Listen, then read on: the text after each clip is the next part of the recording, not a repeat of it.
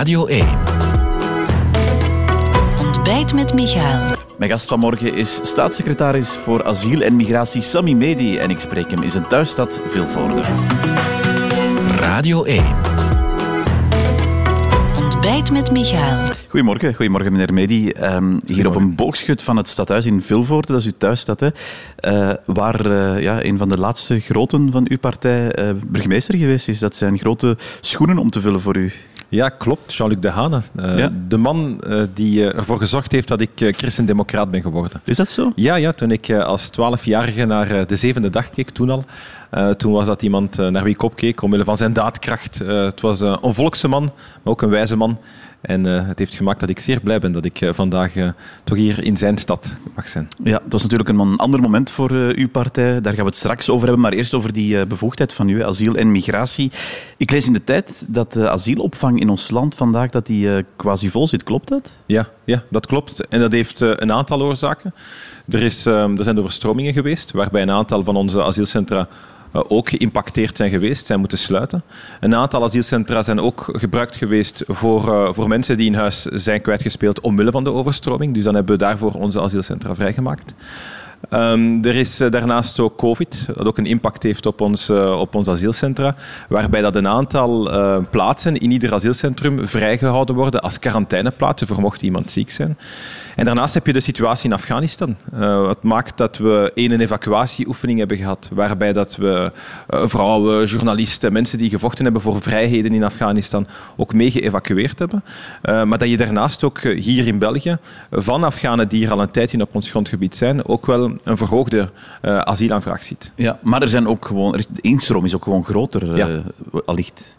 Ja, absoluut. Je hebt eh, sowieso jaarlijks een verhoogde instroom eh, in de maanden eh, juli, augustus, september, oktober. Ehm, dus in, in de zomermaanden zie je dat sowieso. En vandaar dat je moet werken aan, aan een ander soort migratiebeleid. Je moet sowieso ervoor zorgen dat ehm, de instroom aan de buitengrenzen van Europa dat die beperkt blijft tot degenen die effectief nood hebben aan bescherming. Dat is vandaag niet het geval. Hè. Je hebt twee op de drie asielzoekers in gans Europa die uiteindelijk blijken geen vluchtelingen te zijn, geen nood hebben aan bescherming. En dan moet je die kunnen terugsturen, wat niet altijd evident is.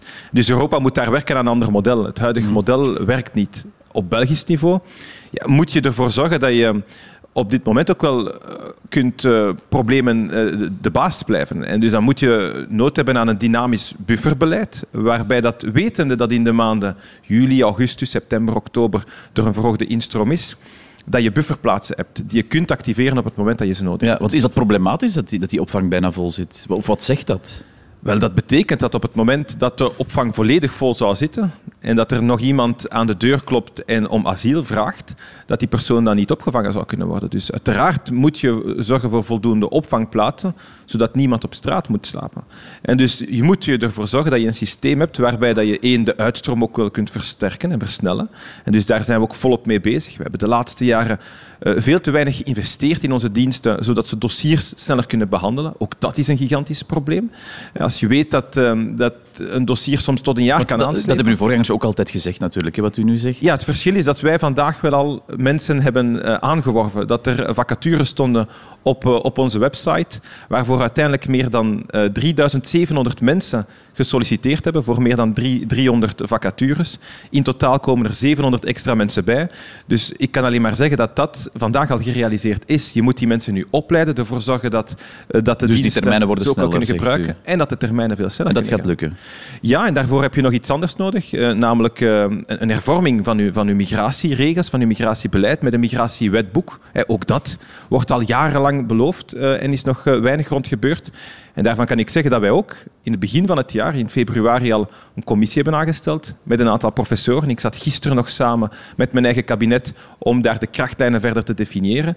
En ze zijn volop bezig met de opmaak van het migratiewetboek. Dat zijn structurele hervormingen waarvan de impact morgen misschien niet zichtbaar zal zijn, maar ik denk dat een CD&V graag heeft dat de impact ook wel zichtbaar is, niet enkel morgen, maar vooral binnen een jaar. Ja, er is ook van die Afghanistan-crisis gezegd, hè, er is natuurlijk een, een, meteen een impact met die repatriëring, daar hebt u naar verwezen.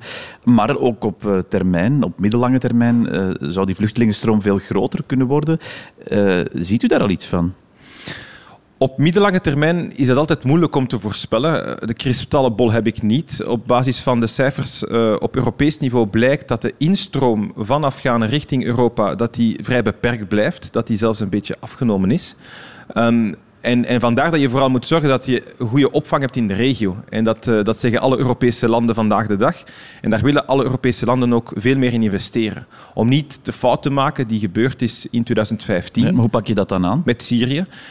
Door, door te investeren in de regio. Door, door, door ervoor te zorgen dat mensen die vluchten voor oorlog, die terechtkomen in een buurland of in een land in de regio, uh, daar veilig zijn. Dat de kinderen daar naar school kunnen gaan, dat ouders daar kunnen werken, dat mensen geïntegreerd geraken.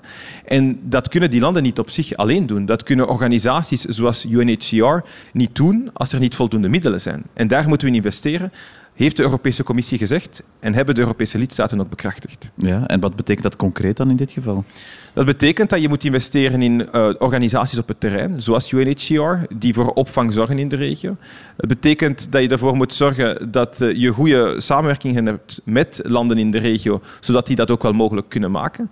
En daarnaast ook wel dat de Europese Unie werk moet maken van een nieuw asiel- en migratiepact, waarbij dat je versterkte buitengrenzen hebt en ook wel weet wie dat er binnenkomt. Want vandaag komen niet enkel de Afghanen die echt nood hebben aan bescherming binnen in Europa. Er komen heel veel mensen binnen en opnieuw, de meeste daarvan hebben uiteindelijk geen nood aan bescherming. Ja, want dat was mijn volgende vraag. Wat betekent dat voor mensen uit Afghanistan die dan toch naar hier komen?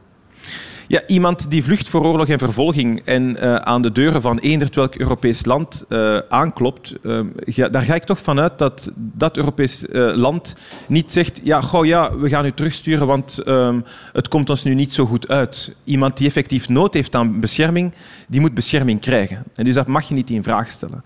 Je moet er wel voor zorgen dat hij dat op de juiste manier doet en dat ieder Europees land ook wel zijn verantwoordelijkheid opneemt. Ja. En daar merk ik een grote frustratie als ik kijk naar de instroom vandaag de dag van het aantal asielzoekers, dat daar heel veel mensen tussen zitten die al een asielaanvraag lopende hebben in een ander Europees land en denken, oh, ik ga toch eens gaan proberen in België. Of zelfs mensen die al erkend zijn als vluchteling in een Europees land en dus daar bescherming krijgen en toch nog beslissen om asiel aan te vragen in België. Ja, als je dat doet, dan krijg je gewoon heel veel problemen. En daar moet op Europees vlak ook wel de opvangrichtlijn veranderen die het mogelijk maakt dat iemand die al bescherming heeft in een land, dat die niet meer opgevangen moet worden in België, wat vandaag wel het geval is. Dat maakt deel uit van het Europese ja. asiel- en migratiepact en dat moeten we versneld invoeren. Maar zegt u dan ook voor ons land, het, het mag iets strenger toch? Of, of het kordater? Het moet vooral correct zijn. Ja, maar toch Ik, ook strenger dan? Ja, ja, u moet aan mij uitleggen waarom dat België verplicht is om uh, iemand die erkend is als vluchteling in een ander Europees land en die daar dus alle bescherming krijgt, die toekomt in België en zegt ik wil hier toch nog ook asiel aanvragen, dat wij als België verplicht zijn om die persoon opvang te verlenen. Ik krijg dat niet uitgelegd. Het, gelukkig maakt het deel uit van het nieuwe asiel- en migratiepact waar Europa al lang ja. over onderhandelt. Ik denk alleen dat we dat versneld moeten mogelijk maken. Wat zeggen uw coalitiepartners daarvan? Maar rond het asiel- en migratiepact denk ik dat alle coalitiepartners ja? goed beseffen dat het huidige model niet werkt. Dat je vandaag heel veel mensen hebt die toekomen in Europa, waarvan dat wij eigenlijk al op het moment dat ze Europa binnenkomen, allemaal van weten dat die persoon geen bescherming zal krijgen en dat het triest is, nog meest voor die persoon die onderweg is, dat die daarna nog kilometers aflegt van het ene naar het andere Europese land, van de ene droom die doorprikt geraakt tot de andere, dat we eigenlijk aan die persoon al aan de buitengrens zouden moeten kunnen zeggen wat ja, dat die vaststelling is. maakt iedereen, maar, maar is, is de, de eindconclusie of wat er dan moet gebeuren voor u dezelfde als ik zeg maar Ecolo, die ook in die, partij, in die regering zit? Ja, en ik, ik merk in ieder geval ook dat op Europees niveau daar iedereen op dezelfde manier naar kijkt. En dat op Europees niveau daar meer en meer landen zijn die ook wel beginnen te beseffen dat je die screening en controle aan de buitengrenzen moet hebben. En dat je ook wel een solidariteit moet hebben tussen alle Europese lidstaten. En dat is ook iets wat niet enkel gezegd wordt door Ecolo of Groen, maar wat ook alle partijen in deze regering... Ja, maar dus u zegt binnen die regering, binnen die Vivaldi-regering, is over dat asiel- en migratiebeleid eigenlijk iedereen het eens? Uh, ik, zal, ik zal niet ontkennen dat er meningsverschillen zijn. Het zou vreemd zijn mocht plots vandaag iedereen in de regering de mening hebben van CD&V, of de mening hebben van de PS, of de mening hebben van VLD. Uiteraard zijn er meningsverschillen, en die mogen er zijn. Alleen begin je wel aan een opdracht? Moet je zorgen voor een, een beter asiel- en migratiebeleid? Moet je grote hervormingen doen die dit land ook echt wel nodig heeft? Um, en moet je dus uh, op zoek gaan naar compromissen en, en, en aanvaarden wat in het regeerakkoord staat. Hoe is het als CD&V in die uh, Vivaldi-regering toch een, een, bonte mengeling van uh, zeer uiteenlopende ideologieën, dat hebben we de voorbije week op andere thema's gezien. Hoe is het als CD&V in zo'n regering? Ja, u mag mij een formule voorstellen, uh, federaal, waarin dat er geen meningsverschillen zouden zijn. Ik ken ze niet, behalve als er een partij is die morgen 50% van alle stemmen haalt in Vlaanderen en in Wallonië. Dan, dan zou je geen meningsverschillen Ze vallen nu wel heel erg op, hè? Ja, absoluut. Je hebt grote meningsverschillen tussen partijen. Maar ik weet niet in welke formule dat niet het geval was geweest. Stel u voor dat we uh, een aantal uh, linkse partijen minder hadden gehad en uh, de NVA erbij hadden gehad, bijvoorbeeld. Dan weet ik niet of dat er dan geen meningsverschillen waren geweest. Ik, ik vermoed dat die er wel waren geweest. Dus je moet vooral ja, werk maken van, van, van, van betere samenwerking. En je moet vooral aanvaarden dat er meningsverschillen kunnen en mogen zijn. Ja, maar het moet wel tot iets leiden. Hè. Nu, maar dat er nu, effectief... Nu krijg je bijna een standstil, want die meningen liggen zo ver uit elkaar en dan eindig je met niks. Wel, dat moet je zien te vermijden. Ja. Effectief. En als dat dus niet zo is, ik, wat ik dan? kan alleen maar zeggen, ja, als dat niet zo is, als je niet in staat bent om um, verder te kijken dan je eigen meningsverschillen, om te komen tot veranderingen in de wereld uh, en vooral um, in, in je eigen land, ja, ja, dan weet ik niet waarom dat je aan politiek doet. Maar hoort u dan thuis in die regering als dat dan uh, het gevolg is, zo'n uh, stilstand? Ja, maar ik, ben, ik, ik, wil geen toeschouwer zijn in de regering. Uh, het is niet mijn plan om te kijken naar hoe er soms meningsverschillen kunnen zijn die niet leiden tot grote veranderingen en hervormingen. Uh, ik ben vandaag bezig met hervorming van het migratiewetboek, waar iedereen al jarenlang beloftes over heeft gemaakt. En ik ben ze ook wel mee aan het realiseren. Ik kan alleen maar hopen dat de regeringspartners daarin meegaan. Okay. Maar ik moet wel mijn werk doen. Hetzelfde zoals uh, de, de, transparantie die beloofd werd uh, over, uh, over heel het beleid dat wij voeren op asiel en migratie. Ik denk aan het, de Kucham-affaire, die, die toch wel ja. voor veel last heeft gezorgd. Ja, er was transparantie, transparantie beloofd. Ik vooruit. En dus ik kan alleen maar doen wat van mij gevraagd okay. wordt en wat in het regeerakkoord U zegt, ik wil geen toeschouwer zijn. In eigen partij was u kandidaat-voorzitter. Hè, tot, uh, ja, wat was anderhalf jaar geleden was dat. Ja. Bent u vandaag gewoon toeschouwer? Nee, ik ben uh, zeker geen toeschouwer van mijn eigen partij. Uh, ik ben... Ik heb een grote voorliefde voor mijn eigen partij. En, voor, en hoe kijkt u naar uw partij met die voorzitter waar u het uh, nip moest tegen afleggen? Wel, ik kijk naar mijn partij als uh, een, een, groep van uh, heel wat mensen die heel veel verantwoordelijkheden hebben en die uh, iedere dag proberen een aantal belangrijke hervormingen okay. door te voeren. Maar gaat die partij de richting uit die u als kandidaat-voorzitter in het hoofd had? De partij heeft zeker nog marge voor verbetering, want anders zit je niet op 12 procent. En dus daar werken wij met heel de ploeg iedere dag verder. Waar kan het beter? Op alle mogelijke vlakken. Oeh, u heeft voor mij de meest kritische CD&V'er die je kunt ja, vinden. Maar u zegt eigenlijk, dus Joachim Koens doet het niet goed, want dat zegt u, hè? Uh, ik zeg tegen mezelf dat ik iedere dag het beter ja, kan doen. Ik, hoe doet uw voorzitter het? Ik zeg, ik, ik zeg u dat ik de meest kritische ja, christendemocraat ben die ik kan zijn. Hoe dus ik vind dat iedereen, iedereen in de partij het beter kan en moet doen. Iedere dag. Op vlak van communicatie, op vlak van inhoudelijke hervormingen, uh, op vlak van strategische keuzes die we maken, moeten we altijd het, het, beste uit onszelf halen. En dus ik zal altijd kritisch blijven. Ik zal nooit tevreden zijn met een peiling van 12 procent. Als christendemocraat moeten wij veel beter ambiëren. En gaan dus de alarmbellen af bij zo'n peiling? Mijn uh, alarmbellen gaan af bij iedere peiling, zolang dat we niet op een percentage zitten wat voor mij voldoende wat is. Wat is dat? Zolang dat je niet boven de 15% zit en eigenlijk aan 20% zit, dan zal je mij nooit tevreden zien rondlopen. Je moet de Vlaming in een, in een periode waarin dat er zoveel polarisering, zoveel verdeeldheid is, maar ook wel zoveel vraag naar belangrijke hervormingen op de arbeidsmarkt, wat asiel en migratie betreft, wat het klimaat betreft. Er zijn zoveel grote hervormingen die moeten gebeuren, dat ik nooit tevreden zal zijn. U hebt er een boek over klaar, hè? ook van hol naar vol heet Ja. dat. Wat, wat is de belangrijkste suggestie die u aan Joachim Koens zou doen daarover?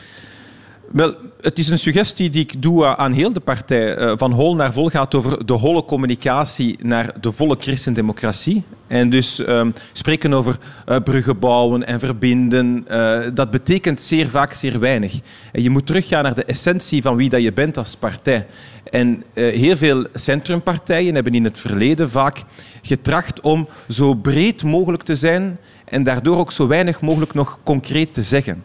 En een christendemocraat moet terugkeren naar de essentie van wie hij is. En voor mij is dat dat een christendemocraat die moet ervan overtuigd zijn dat iedere mens een verantwoordelijkheid heeft voor een ander. En dus je moet niet gaan naar een gigantische etatisering van de samenleving, waar dat je alle verantwoordelijkheid legt bij de staat, wat je soms ook te veel ziet. En dat er van alle regeltjes worden opgelegd die mensen dwingen om iets te doen. En je moet ook niet gaan naar een totale individualisering waar je vandaag in zit, in tijden van corona nog meer dan ooit, waar je de zelfmoordcijfers ziet die Vlaanderen heeft, Ja. waar dat je de cijfers hebt van depressies die Vlaanderen en België heeft, en waar dat je gewoon keihard aan moet werken. Ja, maar u zegt dus, mijn partij doet het op dit moment niet goed of niet goed genoeg. Ik zal dat zo samenvatten. Eh, kan de huidige voorzitter dat wat u betreft die koers helemaal wijzigen en, en van hol naar vol gaan? En, en nooit alleen. Nooit alleen. Je, je hebt Maar wij, daarvoor- wel hij als kopman. Ja, je hebt daarvoor een ganse ploeg. Wel hij als kopman. Ja, ja, je hebt Joachim Koens vandaag, die voorzitter is van de partij, maar die er niet alleen staat. Je hebt daarvoor eh, uw ministers, uw parlementsleden, uw provincieraadsleden, uw gemeenteraadsleden. Je hebt een hele ploeg die daaraan moet werken. En je moet samen een lijn uittrekken. En ik heb altijd de ambitie gehad om een boek te schrijven over de christendemocratie, omdat ik eh, heel graag spreek over de ideologie van mijn eigen partij. Ehm, ik droom ook ooit om na de politiek nog eens ehm, wat filosofie te gaan studeren. En het, het boeit mij gewoon. En ik beloof het al twee jaar, waardoor dat iedereen mij al twee jaar vraagt, "Wa- waar blijft uw boek? Wel, eh, ik, heb, ik Ja. heb nu eigenlijk mijn eigen gelegd, maar er zal, er zal nog veel moeten gebeuren. Ja, u zegt 15, 20 procent moeten we zeker halen. Als dat niet zo is, wat dan? Als dat niet zo is, dan heeft u een zeer gefrustreerde man voor u staan. Dus, ehm, en dan maak ik mij ook zorgen over, over de toekomst van het land. Ik meen het oprecht als ik denk dat de samenleving, België, Vlaanderen, nood hebben aan de christendemocratie, nood hebben aan CD&V. Vandaag nog meer dan ooit, als u daar straks de vragen stelt over de crisissen die je ziet binnen de politiek, op, op welk niveau, met ehm, partijen die ruzie maken en die zitten te steken en te doen. Ik, ik mag u de vraag niet stellen, want u, u, u bent de journalist, maar er zijn partijen die vaak eh, openlijk van alles uitvechten in de media. Ik weet niet hoe vaak u dat gezien heeft van de CD&V de laatste maanden. Ik bijzonder weinig. En dus op dat vlak denk ik wel dat je nood hebt aan mensen die goed besturen en die ook wel proberen om de nodige hervormingen erdoor te krijgen. Oké, van hol naar vol is het boek en dat komt binnenkort uit, denk ik. Hè. 15 oktober. 15 oktober. Sammy Medi, dankjewel voor eh, dit gesprek op deze zaterdagochtend hier in Vilvoorde. hè. Ja, dank u wel. Dit was Ontbijt met Michael, een podcast van Radio 1. Ontdek nog meer podcasts van Radio 1 in onze app en op radio1.be. Altijd benieuwd.